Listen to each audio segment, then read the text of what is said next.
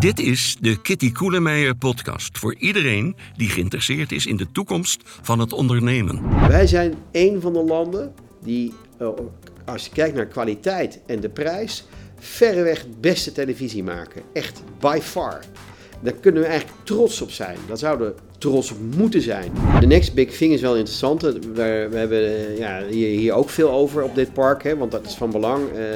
Um, de, immersieve, synthetische media, zeg maar. Dus dat, dat, dat alles een beetje door elkaar heen loopt. Dat is echt wel de next big thing. Ik hoop dat wij voor de eeuwig zijn. Ik vind het gewoon best wel oké okay soort, zeg maar. Maar uh, het zou misschien heel goed zijn voor deze hele aarde als wij er niet meer zijn. En misschien komt er AI.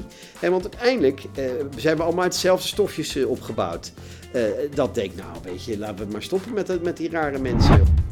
In deze aflevering ga ik in gesprek met Apple van Nispen tot Zevenaar. Eppo is directeur van het Nederlands Instituut voor Beeld en Geluid, met een van de grootste mediaarchieven ter wereld. Ik ken Eppo als een origineel en onafhankelijk denker en vernieuwer. Ik spreek met Eppo over zijn toekomstvisie en ook over de rol van artificial intelligence in de media. En wat betekenen nieuwe technologieën zoals ChatGPT voor creativiteit? Ook ben ik benieuwd naar wat Apple persoonlijk motiveert. Like deze aflevering en abonneer je op mijn kanaal als je meer van dit soort afleveringen wilt. Eppo, wat fijn dat je er bent. En eigenlijk zijn we bij jou te gast, hier in Beeld en Geluid in Hilversum. Prachtig gebouw. je noemt het zelf de bonbon, Ja, de, de kleurige bonbon. Oh, de kleurige ja, bonbon. Ja, ja, ja. En uh, ja, Beeld en Geluid, kort geleden is het museum heropend. Ja. En uh, dat is maar een onderdeel van wat jullie doen. Ja, ja nee, Beeld en Geluid, het Nederlands Instituut voor Beeld en Geluid in zijn geheel. Dat is eigenlijk een heel, uh, ja, vind ik, een van de leukste plekken in mijn, uh, in mijn, in mijn carrière waar ik uh, heb uh, gezeten of zit hè, als algemeen directeur. En dat is eigenlijk, ik leg het altijd maar uit, bijvoorbeeld 13% van wat je ziet en hoort elke dag komt uit ons gebouw. Dus, ja, dus als wij uitstaan, ja, is er gewoon een heel groot probleem, letterlijk in Nederland, als het gaat om uh, nieuwsvoorziening, om, om, om, om, om beelden, uh, om geluid, letterlijk. Dat is er dan niet. Dus dat is waar we uh, eigenlijk onze, onze hoofdtaak zit, 24 uur per dag, 7 dagen de week. dan hebben we nog allerlei andere dingen. We doen heel veel wetenschappelijk onderzoek naar mediagebruik, vrije pers, dat soort dingen, fake news, deepfakes, allerlei techniek, AI. En we hebben ook nog een museum erbij. Uh, en dat is, hebben we net uh, heropend. En dat is, ja, dus het is een veelheid van dingen. Letterlijk die kleurige bom die je ziet, hè, dat landmark in Hilversum, dat is ook een beetje wat uh, en wie we zijn. Ja, en, en kun je iets vertellen over die... Hè, we zitten hier natuurlijk met, met die mooie panelen ja. aan de buitenkant. Ja. Dat, dat, dat lijkt op het, op het eerste gezicht willekeurig ja, kunstwerk met, Ja. met kleuren, maar het is veel meer dan dat, hè? Nee, het is, het is letterlijk de geschiedenis hè, eh, van, van, van, van wie en wat we zijn. Een mooi Afrikaans gezegde luidt altijd: hè, als je niet weet waar je vandaan komt, weet je niet waar je naartoe moet. Dat is eigenlijk de basis van dit archief. En de architecten, Neutelings en Riedijk, dat zijn Rotterdamse architecten, hebben prachtige gebouwen gemaakt uh, door de wereld heen. Die is eigenlijk een Riedijkje voor de liefhebbers, maar goed, dat even terzijde. Die hadden bedacht, hè, want het gebouw als je hier in Hilversum komt, is echt een landmark. Hè. Ja, je hebt het, het, het, gemeentehuis van het raadhuis van Dudok en dit gebouw. Dit is eigenlijk de entree van het Mediapark. Uh, nou en, en je ziet eigenlijk maar de helft van het gebouw. Het gebouw is ongeveer 70 meter hoog. 35 meter zit in de grond. Daar zitten ook onze depots. Daar zit een hele duurzame manier van bewaren. Kan. En wat je aan de bovenkant ziet, dat zijn deze kleurige panelen hier in de achtergrond. Uh, door Jaap Drupsteen ontworpen.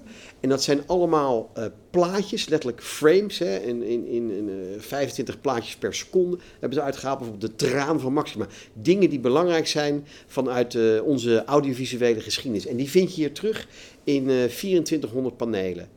Die allemaal uniek zijn. Uh, om, om toen de tijd zeg maar, deze kleur te krijgen, hebben ze zelfs een aparte uh, soort uh, fabriek moeten maken om dat te kunnen En hoe kun je die nou het beste zien? Van, van ver af? Of nou, is heel grappig als er ja, je, van dichtbij, want je zult zien dat er relief in zit. Ja. Hè? Dus de traan van Maxima kun je letterlijk voelen, bij wijze van spreken.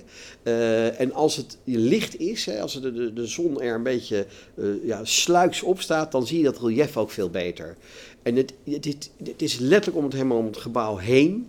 Dus je, je, je bent eindeloos aan het kijken. Dat is dus of dichtbij of iets te ver af. En dan dat je een beetje zo schuin je hoofd hangt. Ja, ja, ja. En, en nou noem je jezelf wel eens uw archivaris. Ja, de archivaris Ik heb je dat vaak horen zeggen. En heb je ook Ja. een stofjas aan. Ja, klopt. Ja, die stofjas, kijk, die archivaris, hè, eh, je hebt de twee functies die eigenlijk eh, te weinig ehm, waardering krijgen terwijl ze van levensbelang zijn. Dat zijn de bibliothecaris en de archivaris. Vroeger, hè, als je het hebt over de bibliotheek van Alexandrië, daar waar alle kennis eh, ooit werd vergaard van de wereld, eh, dat, dat waren de notabelen van de stad. Dat waren de hooggeleerden. En dat had te maken dat en die bibliothecaris en die archivaris precies wisten waar je die kennis vandaan moest halen. Om, nou ja, wat ik zeg, als je niet weet waar je vandaan komt, weet je niet waar je naartoe moet, eh, dat te kunnen toepassen. En nu hoef je niet uit te leggen dat als ik op een feestje ben en mensen vragen me op een vrijdagavond: en eh, wat doe je? En ik zeg, nou, ik ben archivaris. Dat degene die naast je staat en je niet kent, denkt: Oké, mijn enige avond uit en ik sta naast de archivaris. Terwijl die archivaris echt een, een enorme baas, een archief, hè, zonder een goed archief en helemaal in de digitale wereld kun je eigenlijk niks.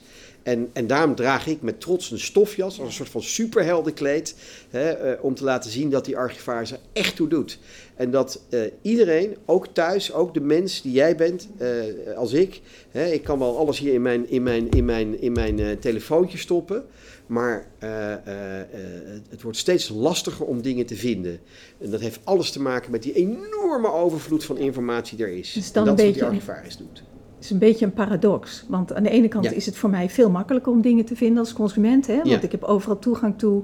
Die transparantie is hoger, die gedragskosten zijn lager. Klopt. En aan de andere kant is het, is het belangrijker dan ooit. Want je kunt geen, geen, geen webshop eh, hè, voeren zonder, zonder een goede, goede Nee. database. En, en wat Exact. eigenlijk ook een archief is. Nee, eh, het is heel simpel. Een database is niets meer en niets minder dan een archief. En hoe, hoe slecht hij dat eigenlijk doet, hoe moeilijker jouw klant, hè, eh, en daar hebben je ook mee te maken, iets kan terugvinden. En waar wij gewoon echt heel erg goed in zijn, daar ben ik heel onbescheiden over. We zijn het ene grootste mediaarchief ter wereld.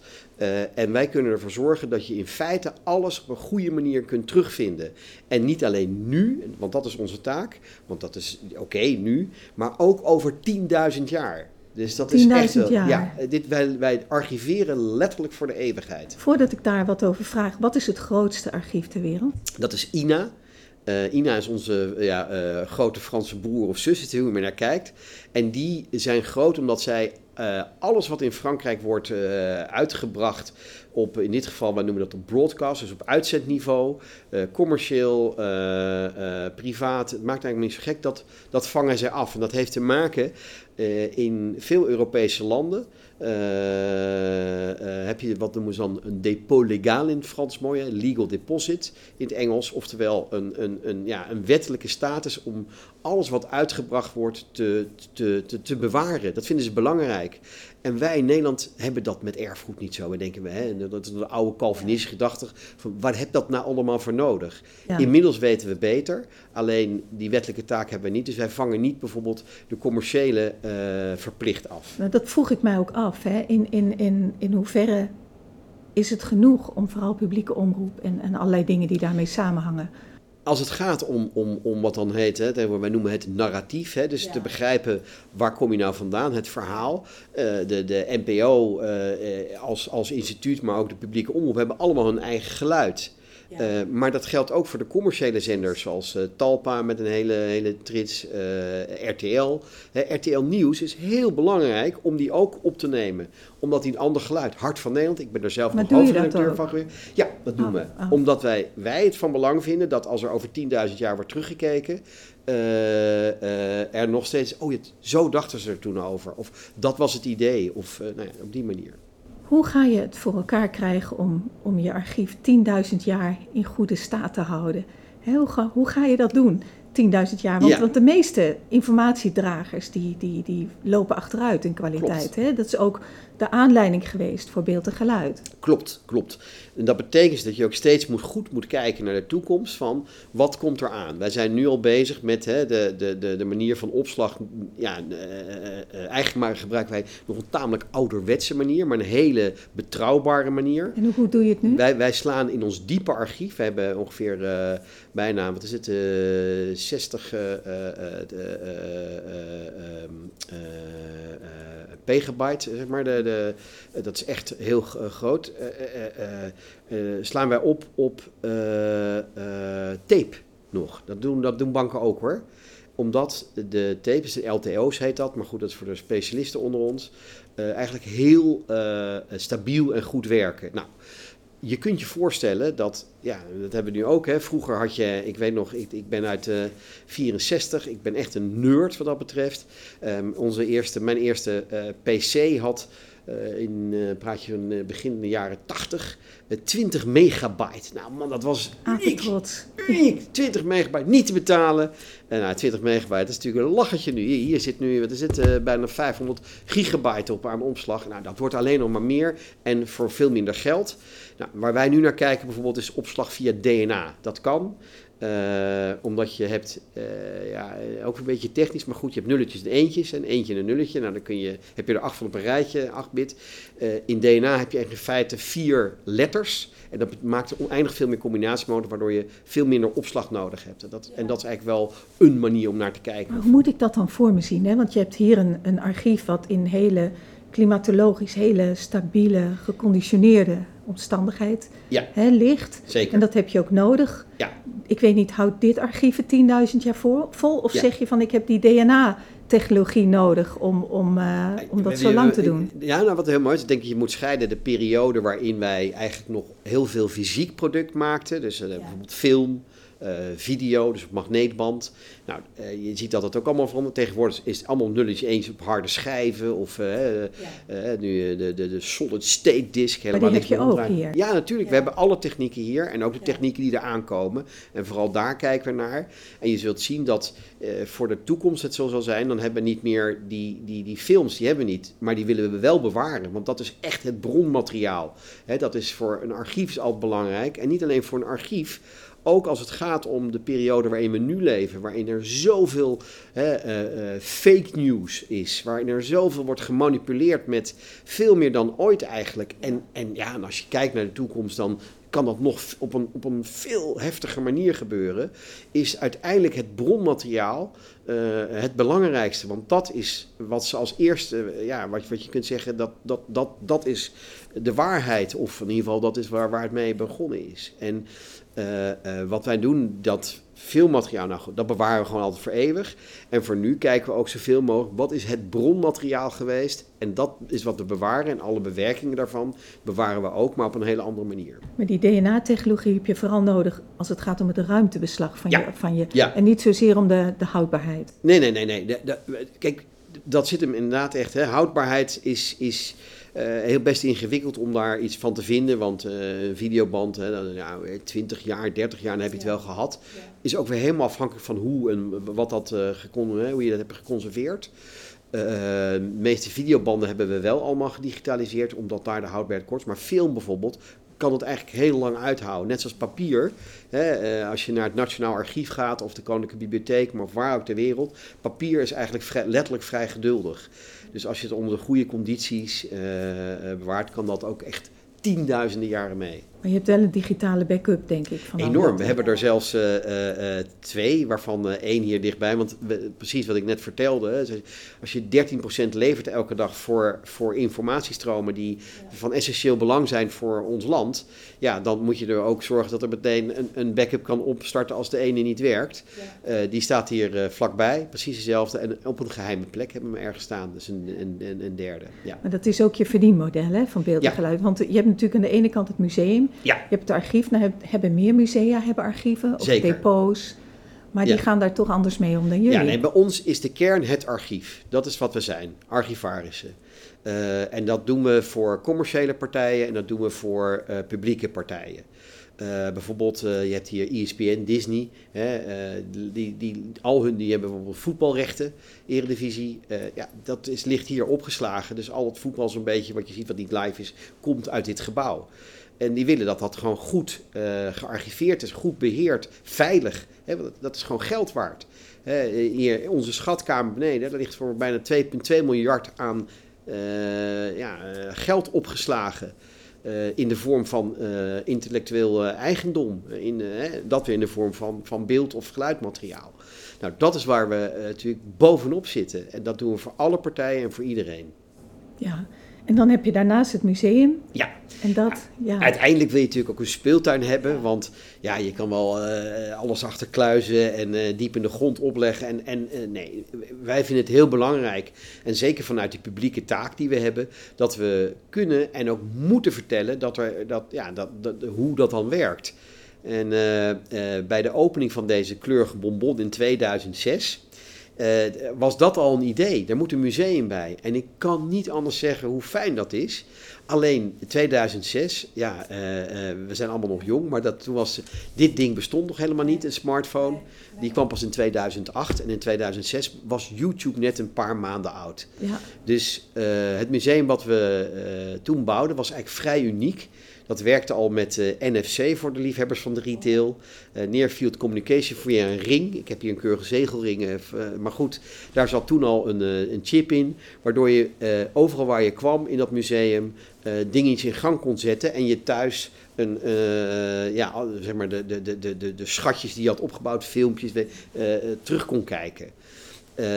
nou, we hebben dat principe willen bewaren, maar wel in een nieuwe tijd. Het grote verschil met 2006 en nu is bijvoorbeeld dat in 2006 was media gewoon aanwezig. Hè, de krant viel nog op de mat. Uh, online begon te komen. Hè. Er was nog veel, uh, pff, moeten, hè, is het wel betrouwbaar en uh, Ja. al dat soort dingen. Ja. een enkeling zat op Twitter en dacht iedereen, nou dat Twitter, wat, hè, wat moet je nou, altijd met die berichtjes. Nou, kijk waar we staan. Facebook stond aan, aan weliswaar was aan het groeien, maar ook in, in, in zekere kinderschoenen. Nou, inmiddels is 2 miljard van de wereldbevolking hangt nog steeds aan Facebook. We zijn met allerlei dingen bezig. Dus wij moesten ook een museum hebben dat niet alleen maar top op had, maar ook voor de jeugd en, en, en uh, weer er tien jaar tegenaan kon. Met een techniek die de, NFC eigenlijk oversteeg. Nou zie ik jou, jouw gezicht echt stralen als je over dat museum spreekt. Hè? Is dat je mediahart of misschien je retailhart? Ja, nou, dat is zo leuk. Uh, het, is, het is eigenlijk alles. Uh, want hoe fijn is het altijd, hè, dat, ik, ik ben ooit in mijn leven naast archivaris ook de wilde uh, titel van bibliothecaris. Heb in Delft uh, ja, letterlijk een bibliotheek gerund, de modernste bibliotheek ter, wereld. En dat is een, eigenlijk een enorm retailbedrijf. Hè. en dat is, een bibliotheek is super logistiek. Er gaat, het is de best bezochte publieke instelling. ja, in feite, je moet allerlei handling doen, er moeten transacties vinden daar plaats, mensen moeten zich bewegen, je hebt signing nodig, je hebt van alles nodig om daar een Ja. succes van te maken. Dat is bij een museum net zo. En daar ligt ook mijn mediahart, want wat wilden we nou? We wilden dat je een echt gepersonaliseerd avontuur hier zou beleven, waarbij we uh, het grote verschil, wat ik zeg, vroeger viel die krant op de mat, maar nu leef je ja, in media. We zijn als vissen in water en, en, en we kunnen niet meer zonder. We kunnen niet meer zonder dat ding. Het zou wel eens goed zijn dat het zonder dat ding waren, hè, dat we weer eens gewoon in een oud papieren boekje kunnen duiken, maar we kunnen niet meer zonder. Er hangt zoveel van ons leven in het apparaat, aan het apparaat en in die digitale omgeving. Wat mij opvalt, maar jij zit daar veel dichterbij dan ik, is dat bibliotheken en musea, dat die toch wel een stuk klantgerichter zijn geworden dan ze, dan ze vroeger waren. Ik, had, ik weet nog dat ik als ik als kind naar een bibliotheek ging, dan ging het om de boeken. En dan was het een beetje ja, een gunst dat je daar binnen mocht komen, dat je ergens aan mocht zitten. En bij musea was dat eigenlijk ook een beetje zo. Klopt. En dat is nu, nu anders. Ja, er er is een enorme shift. En ik moet zeggen, de bibliotheken hebben dat eigenlijk al heel gedaan. Die zijn in 2004 begonnen met een bibliotheekvernieuwingsprogramma. En zijn veel meer gaan denken vanuit die klantgedachte. Want ja, dat, dat is ook zo. En ik weet nog zelf, toen ik daar bibliotheekdirecteur was, moest ik ja, meelopen in de uitleen. Ik zal het nooit vergeten. Uh, en ik liep daar mee en daar kwam een man binnen met een kopje koffie en een broodje ging het gebouw in. En uh, ik zie de bibliothecaresse naast mij uh, een beetje wild kijken en een sprint trekken naar die man die daar gaat zitten met zijn broodje en een koffie. En, uh, en nou, ik, ik, zie haar op afstand gebaren maken en die man wegsturen. En ze komt terug en ik zeg, goh, joh, wat was dat nou? waarom werd hij weggestuurd? Ja, ze zegt, nou ja, komt hij binnen met koffie en een broodje. Ja, en ja, dan gaat hij in die boeken en dan komen dan, ja, dat wordt een rommeltje, een vlek in die boeken. Dat willen we niet. Ik denk dat ik uh, seconden, nou ja, dat is, nee, dat is nog heel lang, denk maar gewoon een paar seconden even dacht, nou, oké. Okay. Uh, maar mag ik nou een vraag stellen? Ja, ja, ja, zeker. Maar die mensen nemen die boeken toch ook mee naar huis bij ons? Ja, ja, ja. Bellen we dan elke dag uh, of er een vlek in zit of hoe doen we dat dan? Wat is hier nou uh, uh, klantvriendelijk aan? En dat was voor mij letterlijk het moment dat ik alle regels op bibliotheken hingen heel erg aan regels die zeer klantonvriendelijk waren, heb uh, afgeschaft. Incluis de beveiliging. Want dan stond er iemand in een blauw pak. Dat, die kostte bij elkaar twee ton op jaarbasis. En toen zei ze, waarom, waarom hebben we dat? Want het is niet echt iemand die geïntegreerd is in onze bedrijfsvoering. Die staat boos te kijken, als, als hij al geïnteresseerd staat te kijken. Uh, ja, ja, ja, maar ja, dat is, dan, anders worden boeken gestolen. Maar hoeveel boeken worden nou gestolen dan? Nou, dat waren er dan, weet ik veel, vijf op jaarbasis. Uh, en dan ook nog eens een keer boeken die al lang maar afschreven. Maar doe toch aan leesbevordering? Kom op, hé. Dat moet je gewoon in je model berekenen. En veel meer op die klant. En nou, dat, dat gold eigenlijk bibliotheek breed. En dat zie je nu ook in musea. Want ja, je, je bent er niet voor niets. En zeker uh, vanuit de gesubsidieerde kant kun je wel nadenken dat je wel kan denken van, ja, maar luister, zo moet het zijn. Dit is mijn collectie en de mensen hebben het maar te nemen. Maar dat, ja, dat, dat is gewoon niet, uh, zo zit ik niet in elkaar. En daarom ja, ga ik ook van stralen. Ja, en daarom is dit museum ook zo bijzonder. Daarom, en het is enig om te zien. Het is ook goed voor ons, weet je wel. We hebben heel direct contact met de mensen die er komen. We hebben nog een ouderwets mooi uh, gastenboek waarin je wat kan schrijven. Nou, dat is dan heel leuk, zeker bij zo'n nieuw museum, wat men er dan van vindt. hier wordt heel erg gewerkt op die klantrelatie. Ja, dat is, en het is echt de moeite waard. Even, even ja. nog een, andere, een ander onderwerp. Er zijn heel veel ontwikkelingen aan de gang als het gaat over artificial intelligence in relatie tot media. Hè? Ja. Chat, GPT is natuurlijk aan een enorme ja. opmars bezig. Maar je hebt natuurlijk ook andere, andere software die samen met uh, ChatGPT werkt, zoals bijvoorbeeld uh, AI Art en uh, DALI, ook van OpenAI, waarmee je ook allerlei beelden kunt genereren. Daar ja, wordt, wordt eigenlijk al, een beetje gedacht aan creativiteit. Hè? Dus is heel lang gezegd, software kan nooit creatief zijn. Het hangt natuurlijk een beetje af van de definitie van creativiteit die je gebruikt. Maar het zijn toch, gaat toch om nieuwe zaken die, die wat verrassend zijn en die ook nog ergens, ergens goed voor zijn, die nog nut hebben. Zeker. Hoe, hoe sta jij daar, uh, daar tegenover? Zie je daar toepassingen? Gebruik je het al? Zeker, sterker nog, ik heb een abonnement op uh, uh, OpenAI. OpenAI heeft, is onder andere ChatGPT, maar ook DALI ja. 2 ja. in dit geval. En zo kun je nog veel meer. Ik heb eigenlijk al die toepassingen. Ik ben voorzitter van de, de werkgroep Cultuur en Media voor de Nationale AI-coalitie. En juist uh, daar ligt mijn interesse en ook mijn expertise. Hoe kun je nou kunstmatige intelligentie toepassen in je werkomgeving? En ik zie dat niet als een bedreiging. Sterker nog, ik, het is een enorme uh, verbetering van je creatieve prestatie. Het is wel zo dat je daar natuurlijk heel goed over moet nadenken. Want als je DALI 2, en ik ken dat gewoon heel goed. Ik uh, geef bijvoorbeeld morgen een lezing, dan open ik met een plaatje. En dan vraag ik, dat gaat over de maand van de digitale fitheid. Hè. We moeten ook afstand van zo'n apparaat kunnen nemen, dat is heel belangrijk. Uh, uh, uh, maar dan vraag ik aan, aan, aan DALI 2, geef mij eens een plaatje dat, dat zeg het openingsbeeld moet zijn voor de maand van de digitale fitheid. Nou, dat is gewoon ontzettend grappig wat daar uitkomt, want dan zie je ook wel dat, dat er wat combinaties worden gemaakt. Uh, en dan vervolgens vraag ik aan uh, ChatGPT, geef mij even een goede tagline, inspirerende. En dan doe ik dan drie taglines. Eerst gewoon een tagline, dan vraag ik een inspirerende tagline. Dan vraag ik een wereldveroverende of een mind-blowing tagline. Uh, en dan zie je dat daarin gespeeld wordt. Dan vraag ik, maak er een gedicht van. Dat is nog vrij slecht overigens, wel Nederlands. Maar, en, en dan vraag ik, geef een mooie openingsspeech. Die, die gebruik ik allemaal. En, en, en ik zie het als, hè, uh, je moet je voorstellen, vroeger had je een kunstenaar als Rembrandt. En die had zijn vervende, experimenteerde die mee. En daar kon hij mee doen. En zijn ex, ja, gewoon met zijn spulletjes, materiaal. En dit valt voor mij ook onder mijn materiaal als creatief iemand om dingen beter te kunnen maken. Ja, dus jij, het is een aanvulling op de vaardigheden die je ja. hebt. Hè? Want bij ChatGPT zou je natuurlijk kunnen zeggen van ja, dat, dat schrijven He, die schrijfvaardigheid, wat voor heel, mensen moeilijk, heel veel mensen moeilijk is, wat ook studenten bloed, zweet en tranen kost. Dat besteed je eigenlijk grotendeels uit aan een softwarepakket. Ja. En dan? Nou ja, goed, je kunt daar de discussie over hebben. Ik denk dat het goed is, wat belangrijk is, dat je uh, als je werkt met de AI een paar dingen beseft. Als het het doekje voor een bloeden wordt van iets wat je niet kan, nou ja, daar kun je het best over hebben. Hè? Ja. We hoeven niet in alles even goed te zijn. Ik heb ook me wel eens op school altijd afgevraagd, en ook later uh, in alle studies zeg maar, die er te doen zijn in het mensleven, waarom mensen niet gewoon met de, de informatie die er is uh, aan de slag, waar moet je dingen uit je hoofd weten? Hè, het was de, de, mij de oude Plato die bang was toen er schrift kwam. Ja, die, het was juist de kunst om alles uit je hoofd te kennen. En ik denk dat dat uh, goed is om, om jezelf te trainen. Ik, het is heel mooi met sinds de introductie van uh, mobiele telefoon. En met name dat je dingen kunt opslaan. Ik heb nog steeds wel een gekte voor getallen.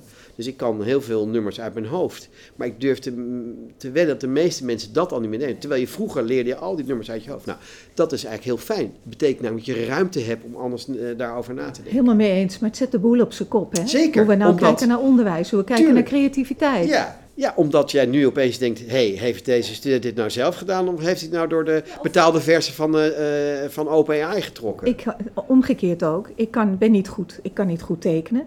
He, nee. Ik ben uh, op een gegeven moment Grieks gaan doen op de middelbare school om van uh, tekenen af te zijn. Okay, ja. Maar met zo'n pakket kan ik het misschien wel. Ja. He, kan ik misschien wel hele, hele goede creatieve afbeeldingen ja. maken. Ja, maar is dat erg? Is nee, dat, dat is, is het een drama? Nee, alleen je uh, moet er anders naar kijken. En dat, dat gaat dat ook nog is, wel wat uh, ja, voet in de aarde hebben, denk ik. Zeker. En er zijn natuurlijk een paar ethische vragen. Dit is er één van. Hè. Uh, we zitten heel erg in dat eigen, die autonomie. Nou, dat is wel een heel belangrijk ding. Wanneer gaat AI voor jou beslissingen nemen? Ja. De, de, de, prachtige film Her, dat was een paar jaar geleden met de Joaquin Phoenix, waarin uh, hij uh, uh, ja, verliefd werd op, op software eigenlijk. Nou, dat zie je ook gebeuren. Um, wat heel interessant is, het, lijkt een vies praatje, maar is het niet. Maar daar is het heel goed om te kijken naar de porno-industrie, die daar veel verder in zijn. Hoe kun je nou, hè, en ook in Azië zijn ze veel meer bezig met een echte mens na te maken. Uh, die in AI-achtige omgeving met je, nou ja, gewoon dat, ja. Alternatieve Turing-test ja, is het ja, eigenlijk. Ja, ja. En, en, en als je er iets van begrijpt, en ik, ik, ik vind het heel leuk voor een zaal te staan, dan vraag ik altijd. Uh, en kan iemand mij uitleggen, wie weet, wat, nee, ik vraag, wie weet wat een algoritme is? Nou, niemand wil dom zijn, dat is ook een bekende groep, hè, fear of missing out en ook niet. Ja, dus iedereen steekt dan zijn vinger op. En dan vraag ik, nou, legt u mij eens uit. En dan krijg je vaak voor heel veel mensen een hele ingewikkelde uitleg. Omdat ze denken, dat is heel erg wiskundig, dan moet ik uh, abstractieniveau kennen. Terwijl een algoritme eigenlijk niet veel meer dan een, een, een, ja, een recept voor een appeltaart is dat ook. Hè? Hoe kom ik tot een goede Vaak appeltaart? If this then that, hè? dat ja. is het eigenlijk. Ja, ja, ja, ja. En, en, en dat is de lol om, om ja. daarmee uh, aan de slag te gaan. Dat beseffen, maar wel te beseffen dat je daar wel een aantal vragen uh, moet beantwoorden. Wil je, hè, dat zit hem inderdaad in de vraag op leven en dood, oorlog. Hè? Hoe ver moet een machine gaan? En dan komt de oude Asimov-wet komt eigenlijk uh, ja. weer naar boven. Dat de mens altijd de bovenhand moet houden op de beslissing van de machine. Maar je ziet nu ook al uh, modellen hè, in, in advertenties die ja. eigenlijk AI zijn en geen mensen van vlees en bloed. Nee. En je ziet ook in de gaming-industrie hoe ver ze al zijn ja, daarin. Ja, maar mijn stelling is, hè, dat, ze, dat ik zeg ook als kind kun je heel goed. Hè, vroeger had mm. de meeste kinderen hebben een knuffel. Ja. Dat is een pop die leeft niet, maar voor, voor als kind leeft die pop. Ik bedoel, dat, ik weet niet hoe dus, het, het, het, stimuleert je fantasie, het, werkt ook. Nou, nu ga je dat als volwassene zien. Je moet, misschien is dat een gek praatje, maar toch, het zou helemaal niet zo gek zijn dat je op een gegeven moment, ja, mensen hebben gewoon een, niet die avatar zozeer, maar wel, hè, dus een tweede persoon of iemand anders, maar hebben wel een, een, een wellicht een, een, een geliefde als, als, als pop, ja. En, en, even, dat is al heel ja. lang zo, hè? De ja. oude Grieken. Als je gaat naar, naar uh, de Romeinen, Ovidius bijvoorbeeld, met zijn metamorfose, dat gaat over, uh, uh, over kunstmatige intelligentie. De oudste vormen zijn bijvoorbeeld de talon, dat was een soort van bronzen beeld dat de haven van Kreta beschermde tegen de Argonauten. Ja, dat, dat, is, dat, dat is eigenlijk, dit is die, dat concept van ja, iets, iets kunstmatig, zelf nadenkend. Uh, dat is al heel lang, dat is eeuwen oud. Het is wel altijd een deels. Hè? Je ziet ja. dat ook met artificial intelligence. Het gaat over specifieke, specifieke functionaliteiten. Ja. Hè? Dat, dat, en ook dat voorbeeld wat jij geeft met die poppen, dat gaat over een, over een deel van, een, van wat een mens, een, een compleet mens maakt. Ja. En er is nog geen AI die de mens in zijn geheel hè, in nee, heel nee, nee, veelomvattend kan. Het gaat altijd over onderdelen. Ja, kijk, het grote verschil is dat het, uh, de, de hardware, zeg maar, de rekenkracht is uh, van belang. Hè? Ja. Daardoor krijg je Ja. slimmere AI. Omdat, Ja. Maar die AI moet zich ook trainen. Net zoals mensen moet dat zich trainen. Wij hebben in- voor ons nieuw museum is er heel veel AI in. eh, met, eh, specifiek voor gezichtsherkenning, want daar werkt dat dan mee onder andere. Ja, dat moet zich gewoon trainen. Wij, wij, dat, dat, wij weten, wij doen daar ontzettend veel onderzoek naar en mee. Maar Ehm, je traint op basis van wat er is en Ja. daar kan je dan nieuwe combinaties mee maken. Maar Ja. zit er nou wezenlijke vernieuwing in? Ehm, nee, eh, en ook weer wel, want dat is een beetje hoe het algoritme is. Maar de, het, het, het, eh, net zoals wij ook als mensen trainen op wat er is. Maar je, ja. Ehm, dus die zogenaamde vooroordelen, de bias en zo. Daar Ja. moet je echt heel goed op letten. ja, want absoluut. eh, eh, als dat misgaat. Maar goed, daar zijn we denk ik in Nederland heel goed en ver mee. We zijn zo'n beetje het enige land ter wereld dat zich echt deze specifieke vragen stelt over eh, ja, menselijke AI. Hè. We hebben Ja. daar de, de, de, de, de, de ja, specifieke ELSA labs voor. Dat zijn Ethical, Legal and Social Aspects of AI.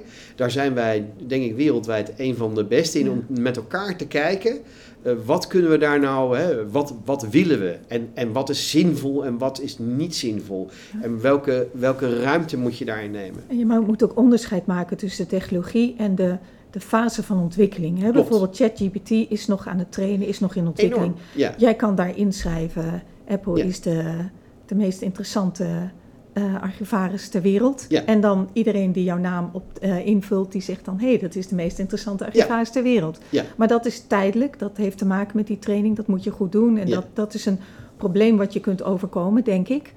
Maar de technologie zelf, die staat er wel en die gaat niet meer weg. nee. Eh, Sterker nog, die, die, die was natuurlijk al. Ik zeg al daarom, Ja. de oude Grieken. eh, ja, goed, in de- de zelfs de- ja. Dus het is alleen Ja. eh, door, ja, het is letterlijk doordat de kosten lager zijn, doordat we ook veel beter begrijpen wat het nou wel en wat het ook niet kan. ja. Een mooi voorbeeld vind ik altijd. Ik ben altijd heel blij.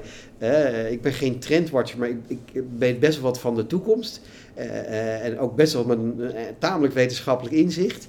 En ik ben altijd heel blij als mensen op een podium staan, een trendwatcher komt. En u gaat nooit meer zelf auto rijden. Hè? Dat is, Ja, eh, ja.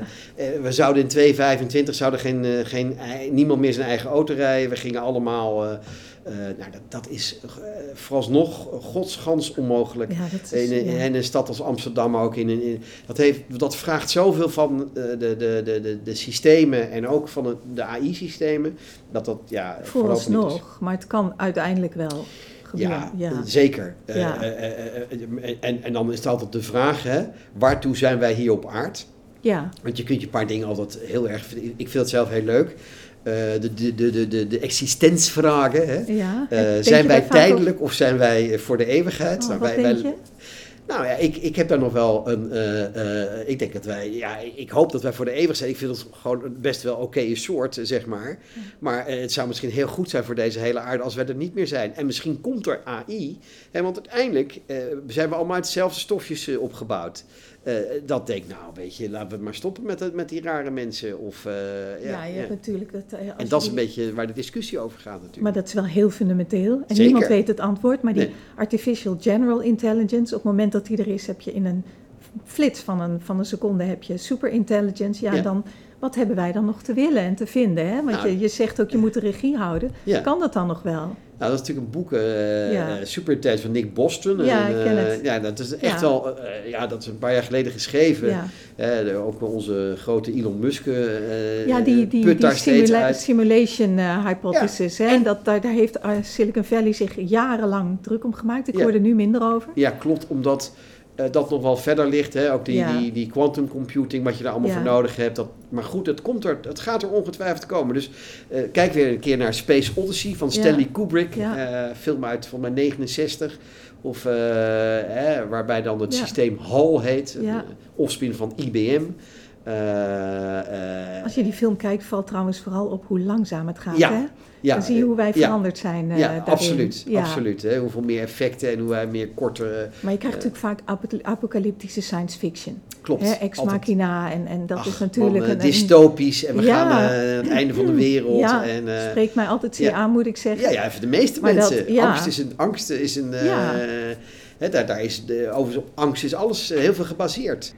Ja, en Apple met een programma als ChatGPT, hè, dan is toch weer de verrassing. Het was er al in rudimentele vorm en dan ineens dan, dan is die adoptie, het explodeert. Ja. En, en wat voor mij dan altijd, eh, ik denk voor, voor veel mensen lastig is om in te schatten wanneer de doorbraak komt en met welk, waarmee, met welk algoritme, met welke software. Dus je weet dat er zoiets gaat komen, maar dan word je toch verrast door de snelheid waarmee het gebeurt. En wat dan de volgende grote stap ja, is. Ja, en het is nog niet echt disruptief omdat het nog niet goed werkt. En, en de verhalen over het businessmodel van Google, wat zal worden ondermijnd, kan allemaal wel zo zijn.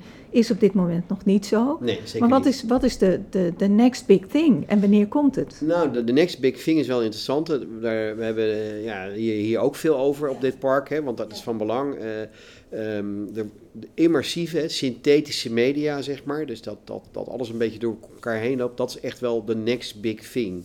Ja, dat Eh, onderdompelen. Hè? Want ja.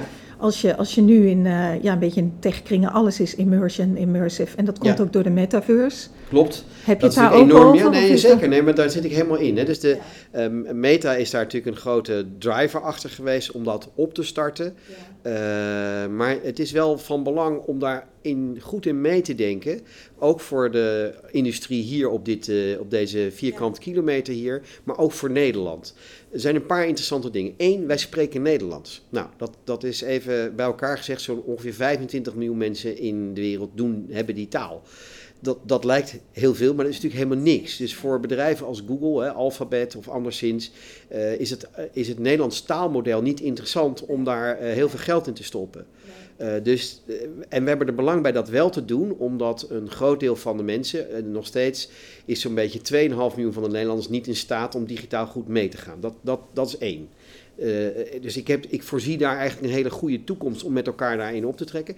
Dat immersive, hè, dat immersieve, dat synthetische, ja. dat is echt wel de next big thing. En de dingen, die, die, daar, daar zijn we natuurlijk al hier al met, in experimentele fase met van alles bezig. Eh, Dat heb je ook nodig Ja, om, ja, om AI gemeen goed te maken. Want het is natuurlijk, is wat er gebeurt is allemaal tweedimensionaal, een beetje Klopt. schraal. Als ik eerlijk ben, is de metaverse zoals het er nu uitziet natuurlijk ook nog heel schraal. Ja, heel, heel, klopt. heel armoedig. Ja, ja, nou je had net... Er eh, wordt ook de draak meegestoken Ja, natuurlijk ook. natuurlijk. Ja. En, en dat was ook, eh, ik ben naar Amerika geweest, al die landen. Als je kijkt naar Azië, zijn ze weer heel Ja. op een andere manier ermee bezig. Maar je zult zien dat die, dat, die, dat synthetische, letterlijk die media, Ja. die vervloeien wel met elkaar. Hè, eh, eh, wat ik mensen altijd uitnodig, ga naar, dat, naar Alba, de Alba Experience in Londen. Met de hologram. Ja, ga daar nou eens naartoe. En, en, en, en, en je zult zien dat je helemaal wordt meegenomen. Dat, daar zijn ze in Azië eigenlijk al een stuk verder mee. Eh, nou, immersive is, ja, dat, dat kent zoveel vormen. En dat Meta is nu een beetje rare plaatjes kijken en met een bril op zitten. Maar Mensen daar- hebben vaak geen benen. Nee, dat is toch heel lastig. eh, Klopt, je hebt natuurlijk klopt. wel start-ups die daarmee Ja, bezig zijn. Dat tuurlijk. komt ook allemaal wel goed. Ja, maar dat duurt nog wel even. Maar het is goed om er nu al mee. We hebben een hele grote groeifondsaanvragen uitstaan, C, Triple IC. En daar is een deel van, onder andere, gaat erover om die immersive eh, media te doen. En eh, eh, ja, dat gaat toch over een paar honderd miljoen. Dus, eh, en, en, en daar hebben wij in Nederland ook iets te doen. Je moet beseffen, dat weten maar weinig mensen. Wij kijken wel eens naar, hè, als we televisie kijken of radio luisteren of online, denken we, ja, hè, Nederland, weet je wel, hè, is, niks te zien. Wij zijn een van de landen die, als je kijkt naar kwaliteit en de prijs, verreweg het beste televisie maken. Echt, by far. Daar kunnen we eigenlijk trots op zijn. Daar zouden trots op moeten zijn. Als er eh, eh, de bedrijven hier op het park hier, dat zijn bedrijven die liggen echt de lat zo hoog. Ehm, en dat heeft te maken dat wij in Nederland eigenlijk eh, voor de bekostiging van dit soort dingen vrij laag zitten altijd. En we moeten dus creatief zijn. Dus het inzetten van nieuwe technieken als AI gebruiken om toch voor een goede prijs de kwaliteit te behalen. Welke termijn is, is die, hè, die immersive technology is die, groot eh, beschikbaar en, wordt die ook gebruikt in media en entertainment? Ehm, nou, daar zijn we nu een enorme discussie over aan het hebben. Ook omdat, wat is het dan? Hè? Want bijvoorbeeld, veel van de programma's nu worden opgenomen. Als je kijkt naar Viaplay of naar, noem maar op, zitten, zitten mensen eigenlijk in een greenscreen, in zo'n groene ruimte, hè, met zo'n groen scherm. Ja, en dat is eigenlijk heel vervreemdend. Want dan denk je, gadverdarrie, kijk, dit is allemaal echt. Ik bedoel, deze bloem kan ik hier zo aanraken. Hier, dat olifantje waar ik een vraag over Nee. heb. Dit is Ja, echt... stel hem maar die Waar- vraag. ja, waar- waarom staat hier een olifant? Elke podcast staat het lieve olifantje Ja, dat is, ik, hij komt uit mijn huis. Het is eigenlijk een mascotte. En ik, ik, eh, ik vind het een leuk olifantje. En, en met die pen, ik word er vrolijk van. En ik heb hem vanuit huis meegenomen, net als de bloemen. Die trouwens niet echt zijn, maar wel mooi, vind ik. Prachtig. Ja, even nou, als je het over AI in een zekere zin. Dit is ook eh, artificial, maar, maar eh, eh, eh, het, kan ons raken. Hij fleurt misschien niet zo, maar dat, daar, eh, dat, hij maakt mij wel fleurig. Die olifant word ik blij van, dat is echt. in zo'n groene ruimte is er niks echt. Dan is dit echt en dat is het dan. En dan staat er misschien een bloemetje, maar dat is het. Dus iedereen is aan het zoeken naar hoe kunnen we dat toch een stap. Nou, dan hebben ze in Amerika hebben ze bedacht met allemaal grote LED-screens. Dan zie je echt het decor weer. Dan heb je weer het gevoel: oké, ik ben hier thuis. Uh, en dat immersive is de volgende stap die we nu aan het bedenken zijn. Hoe kunnen we dat gevoel hebben? Dat je niet alleen met brillen op zit, maar dat je daar een groepsgevoel kan hebben. En wanneer dat is, ja, zelfs die bril is al te veel. Hè? Je zou het met de contactlens of iets. Maar je, ja, ik ben ervan overtuigd, je hebt dat nodig om ooit maar iets echt te bereiken. Ja. Met de, de virtuele wereld. Zeker. En, en we hebben natuurlijk al stappen gemaakt. Uh, Covid heeft daarin geholpen, doordat we veel meer dat online hebben geaccepteerd. Maar nogmaals, beeldbellen is vanaf het uh, begin van de 20e eeuw. In 1903 waren al de eerste concepten daarover. Uh, uh, in de jaren 80 gingen we allemaal weer beeldbellen. In de jaren 90 zou het helemaal doorslaan. En, en nu pas is dat er. Dus ik denk dat als je dat immersive zitten we echt wel aan een, aan een redelijk begin. En dan moet je dat zien in een tijdspanne, denk ik, van, van, van vijf tot tien jaar. Dat we er wat zinvollere businessmodellen ook in gaan krijgen. Ja, dat Want denk ik dat wel. laatste is natuurlijk wel een voorwaarde om, om stappen te kunnen maken. Kijk, Dat in dat experimentele, eh, ja, dat, dat doen we het vanuit publiek geld en vanuit wat uh, investeringsgeld van bedrijven. Maar, maar vervolgens moet je er natuurlijk ook ergens gewoon je centjes mee kunnen verdienen. Ja, en je ziet ook uh, wat dat onderwerp waar je eigenlijk aan refereert, waar ook heel veel big tech mee bezig is, de sociale nabijheid, Ja. hè? social presence. Als Ja. ik dan beeld bel, als je het zo noemt, Ja. dan wil ik ook het gevoel hebben dat ik iemand in de ogen kan kijken. Dat ik het gevoel heb dat er een, een soort intimiteit is, dat je, dat je echt met iemand praat en dat, Nou, dat er een dat connectie is. Maar ja, dat van daarom beeldbellen weet je echt. ook. Ja, maar van beeldbellen weet je ook.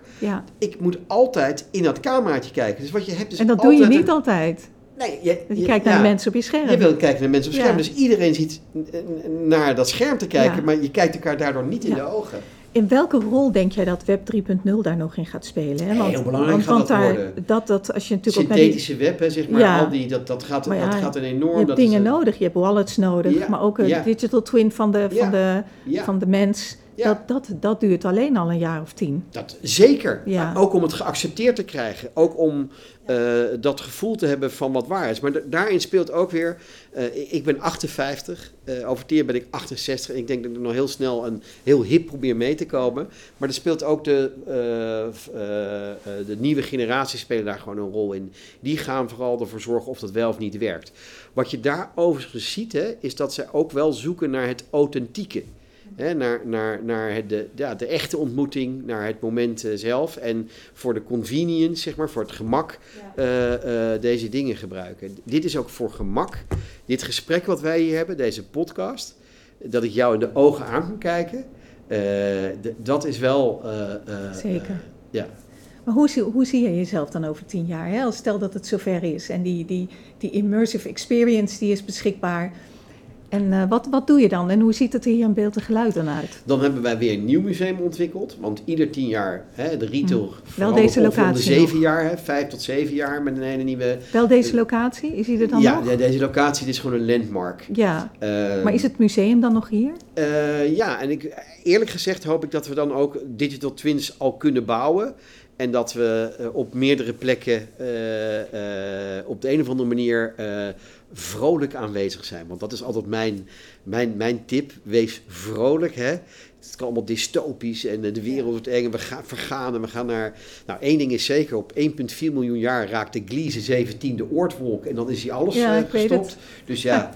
Maar eh, dys- dy- dystopisch denken heeft ook wel als voordeel dat je beter voorbereid bent op dingen. Hè? Waardoor je die vrolijkheid wat, wat meer eh, recht doet. Ja, maar, ik, ik- maar dat, dat is angstgegenen, hè? Het angst, angst, angst, angst. Maar dat angst zit is zo- niet dat- voor ja, niks, dat zit-? Tuurlijk. Ja. Ja, ja, maar dat, dat is ons overlevingsmoment. Hè? En dat is ook, ook dat is een, echt een businessmodel. Want eh, Ja, hè, de lange tijd zeiden ze goed nieuws, we moeten goed nieuws brengen, dat is beter. Ik denk ook soms dat dat beter is.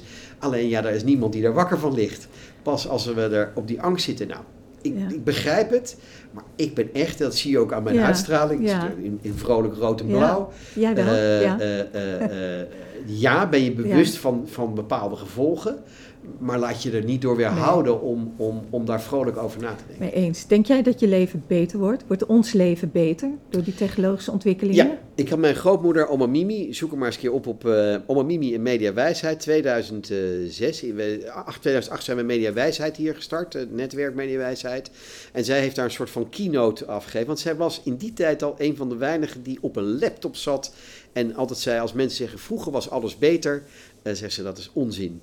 Uh, ze kon dan vertellen over haar grootmoeder. Ze ja, die zat wel een beetje te haken op, uh, maar dat was het dan. En ze zei, uh, ze had niets liever dan nu willen leven in een wereld waarin alles aan haar voeten had gelegen. Omdat je technisch eigenlijk een hele makkelijke... En dat, ik geloof ook, als we er met z'n allen goed over blijven praten, over welke richting dingen opgaan, dan is techniek echt een hulp om een beter leven te kunnen Zou je over 100 jaar willen leven? Nee, totaal niet. Dus je hebt niet... Je ik zou wel willen kijken even ja. hoe het was. Omdat ik zou willen zien, maar dat is meer, ik ben uh, ook uh, vader van een aantal kinderen. Ik, ik, ik geniet echt van het leven. Ik vind het geweldig. Ik vind het cadeau dat we hier mogen zijn. Ook met alle pijnlijke en moeilijke momenten als oorlog. Alle moeilijke dingen. Hoe die mensheid al eeuwen eigenlijk worstelt met zichzelf. En ook met techniek.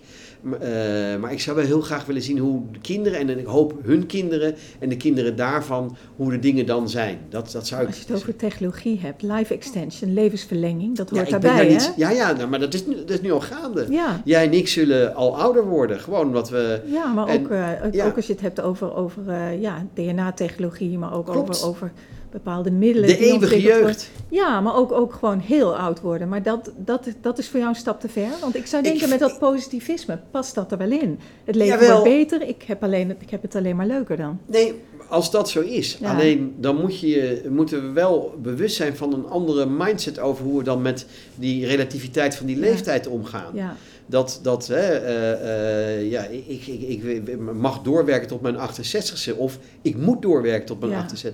Soms zou ik willen. Ik, als kind vond ik altijd werken gek. Ik ben eigenlijk extreem lui. Dat zou je niet zeggen misschien, maar dat lui vind ik een efficiënte eigenschap. Er is geen dier dat eh, zichzelf hard loopt of traint. Nee. Of, die gebruiken zich alleen Ja. maar op het moment... Wij als enige soort, als je het zo wil zien, zijn bezig om met dat soort interessante vragen. Geen dier Ja. dat zich bezig is met de vraag hoe kan ik het eeuwige leven hebben. Die hebben veel meer geaccepteerd dat de, de levenscyclus is wat die is. Ja. Dat geldt voor eigenlijk alles in die natuur. En, en eh, door het kunstmatig te kunnen verlengen, eh, is het interessant. Wat, wat, wat levert je dat dan op? ja het hele Eh, leven wordt anders. Hè? Dat idee van je bent jong, je gaat, gaat naar school, je gaat werken. Je wordt ouder, je gaat pensioneren. Dat is, dat is helemaal achterhaald. Op het moment dat je die levensduur, hè, dat je gezond veel ouder kan worden. Dan, dat, maar sowieso met die, met die technologische, met de robotisering. Sowieso is de vraag of hoe lang wij deze, deze levensstijl nog zo gaan, gaan eh, is, volhouden en eh, willen volhouden. Ja. ja, en dat is natuurlijk een prachtige vraag. Ja. Dat hier met de archivaris van dienst van Precies. deze instituut Nou ja. Maar daar gaat het wel Ja. over. Het gaat over dat verleden. Nogmaals, als je niet weet waar je vandaan komt, weet je ook niet zo goed waar je naartoe moet. Heeft het zin? Er zijn zoveel, eh, ook daar is al, eh, zonder daar flauw over te doen, maar natuurlijk heel veel over geschreven. Ja. Nogmaals, de, de, de wens van het eeuwige leven, de, de bron van de eeuwige jeugd. Maar de vraag is wat jij vindt, hè? Want er Ja, is veel ik zelf, ik zelf heb er wel. Ik, ik, nogmaals, ik denk dat ik het goed vind om. om eh, laten we het dan maar over het aardse bestaan hebben. Hoe pijnlijk ik het ook vind en hoe misschien ook hoe pijnlijk het ook zal zijn. Eh, eh, jammer, maar dan geloof ik weer in mijn oma Mimi. 102 en één dag werd ze, want ze zei 102 vind ik heel mooi. Ze zei van 60 tot 80 is prachtig, van 80 tot 100 is bedonderd, 100 plus een hele klus. En 102 vond zij mooi en een dag later Heeft stierf ze ook zij. gewoon besloten, lijkt wel. Dat zou je Ja. denken. Eh, we, we zullen het nooit weten. Ze was uitermate vrolijk en vriendelijk. En ik heb veel van haar meegenomen. En ik zou ook denken, op een gegeven moment is het gewoon goed om te gaan. Ben je religieus? Ik geloof. Maar niet in een, in, een, in een man op een troon met een baard die bepaalt of je wel of niet de hemelpoort inkomt. Ik geloof eh, erg in de, in, de, in de naaste liefde, zoals dat heet. En eh, ik ben eh, katholiek opgevoed. Tot mijn 18 was ik zelfs acoliet. Had het gevoel dat ik een roeping had. Maar ja, ik dacht ook, ja nee, ik, ik, ik, ik wilde ook graag een gezin stichten. En dan werd dat wat ingewikkelder, zeker vanuit de katholieken. Ehm, eh, en ik hoop gewoon, want dat hoop ik wel, dat, dat als het dan is, dat er ergens boven nog een soort van feestje is waar ik iedereen tegenkom. Het is gewoon prettig doodgaan. Dat is eigenlijk meer wat. Hey, ik ik zit er niet op, wachten, op, op te wachten om dood te gaan. Maar het kan ook zomaar een feestje zijn, hè? Ja, ja, we gaan het zien. Ja. Ja. Ja, en, en waar ben je het meest trots op? Als je kijkt, wat je, je bent natuurlijk nog lang niet, er zijn zoveel dingen die je gedaan hebt. En we hebben nog, nog maar een klein deel daarvan besproken. Hè? En er zijn nog zoveel dingen die je, die je waarschijnlijk gaat en kan doen. Maar waar ben je nu het meest trots op? Nu op dit moment. Nou, is dat ik. eh, als, als stel, we hebben het over de dood gehad, gezellig, zo. Ja. Eh, maar dat je. ehm, Dat lokt die vrolijkheid natuurlijk uit. Ja, ja, en, en, en eh, dat ik toch denk een hoop mensen heb kunnen aanzetten in het kader van wie goed doet, goed ontmoet. Om na te denken over wat kunnen we voor onze naast doen. En een van de dingen waar ik echt heel trots op ben, is bijvoorbeeld zo'n netwerk media dat we met z'n allen hebben kunnen opzetten. Eh, Alliantie Digitaal Samenleven, waar we mensen kunnen hebben optrekken. Natuurlijk mijn kinderen die het volgens mij allemaal hartstikke goed doen. Eh, en, en met al hun struggles ook gewoon hun weg weten te vinden. Eh, ik ben trots op mijn demente moedertje dat eh, die naast me woont en zich daar. Ik ben eigenlijk op zoveel dingetjes trots. En ja, ik ben dan het meest, denk ik, ja, het aan kunnen zetten van al deze mensen eh, zonder mezelf groter te maken dan ik ben. En dan wil ik toch, voordat we gaan afsluiten, Ja. nog een vraag stellen. Wat, wat zijn jouw ideeën voor de komende 10, 20 jaar voor jezelf, Eppo? Wat Ja, wil je ik- nog heel graag doen? Nou, Wat is, nou, bucketlist is een gek woord, maar nee, ja, wat wil je gewoon graag doen? Ehm, dat, is, eh, dat is grappig. Ik heb er deze week wat meer over nagedacht. Ik, ik denk daar niet zo enorm over na. Van, eh, zeker die bucketlist heb ik niet- echt Nou, niet. het is ook niet van toepassing. Nee, maar het is, wel, het, is wel, het is wel een goede vraag. Want ik merk ook, ik denk, goh, eh, een maat van mij die werd vandaag 59. Je, je komt op zo'n leeftijd. Dit- Jij ook net. Die vragen over dat eeuwige leven. Nou, dat hebben we niet. En zeker in mijn tijd niet. Ik wil het ook niet. Maar je bent zo'n technologie-optimist. Ja. Daarom, daarom stelde ik die vraag. Ik Omdat dacht, ik ja. Hoop, en ik ben er ook wel van overtuigd, hè, eh, dat we, dat we hè, de meeste mensen deugen, die, die, technologie een hele goede plek in ons leven kunnen geven en, en ook zullen geven. Hè, dat is eigenlijk altijd wel gebleken. Eh, er is nooit eh, technologie van, waarvan we hebben gedacht, ja, af en toe dan, dan, dan ontwikkelen we hè, als een atoombom en dan komen we eigenlijk achter, dat helemaal niet handig. Eh, maar, maar, maar dat ik, ja, De essentie van de menselijkheid wil jij houden. Die wil je Ja. onaangetast raken, heb ik ja zeker, zeker. En Ja. technologie helpt bij van alles en nog wat? Ja, eh, wat mij betreft wel. Eh, Ja. nogmaals, goed toegepast, altijd. Ja. Heeft het altijd gedaan, heeft het altijd verder gebracht. Het zal ons ook verder moeten brengen met de uitdagingen die er zijn, zoals het klimaat. Zoals, nou noem het maar op, al die eh, manieren van, van, Maar van de mens, met elkaar te kunnen leven. de mens is de mens en die moet de mens blijven, denk ik. ja het, bekende, het bekende, de mens centraal, en die is ook zo. Dat, dat ik bedoel, je kunt ermee allerlei technologie stoppen. Eh, maar, maar ja, ik ben wie ik ben, voortgekomen uit de twee ongelooflijk lieve ouders. En ja, die zijn weer voortgekomen uit hun. Daar, daar hebben we niet heel veel aan veranderd, zeg maar. Er valt weinig aan te veranderen. Maar je plannen?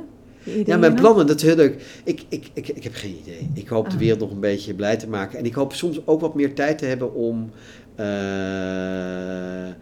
ja, meer te kunnen contempleren en reflecteren. Want dat merk ik bij mezelf, daar is soms in mijn agenda geen tijd voor. Erg?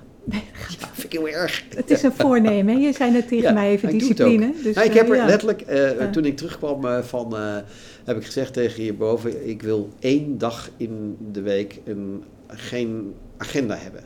En dat gaan we nu doen. Nou, Gewoon dat ik die dag kan doen, denk ik, nou, dat is ook een goed advies. Ja. dat betekent dat ik in die andere dagen nog veel meer moet proppen of niet. Maar één dag gewoon helemaal niks. Geen afspraak, nul. Ik vind wel stoer. Het is, ja, ik Ja. denk ook dat het stoer is. Ja, Ja. ja. En verstandig. Ja, dat denk ik zelf ook. Dankjewel, Eppo. Zo fijn dat je er was. Jij bedankt. Namaste. Dit was de Kitty Koelemeijer podcast. Als je dit gesprek interessant vindt en vaker dit soort gesprekken wilt zien of horen, druk dan op die bekende knop. Want dan weet je één ding zeker: de podcast van Kitty wordt vervolgd.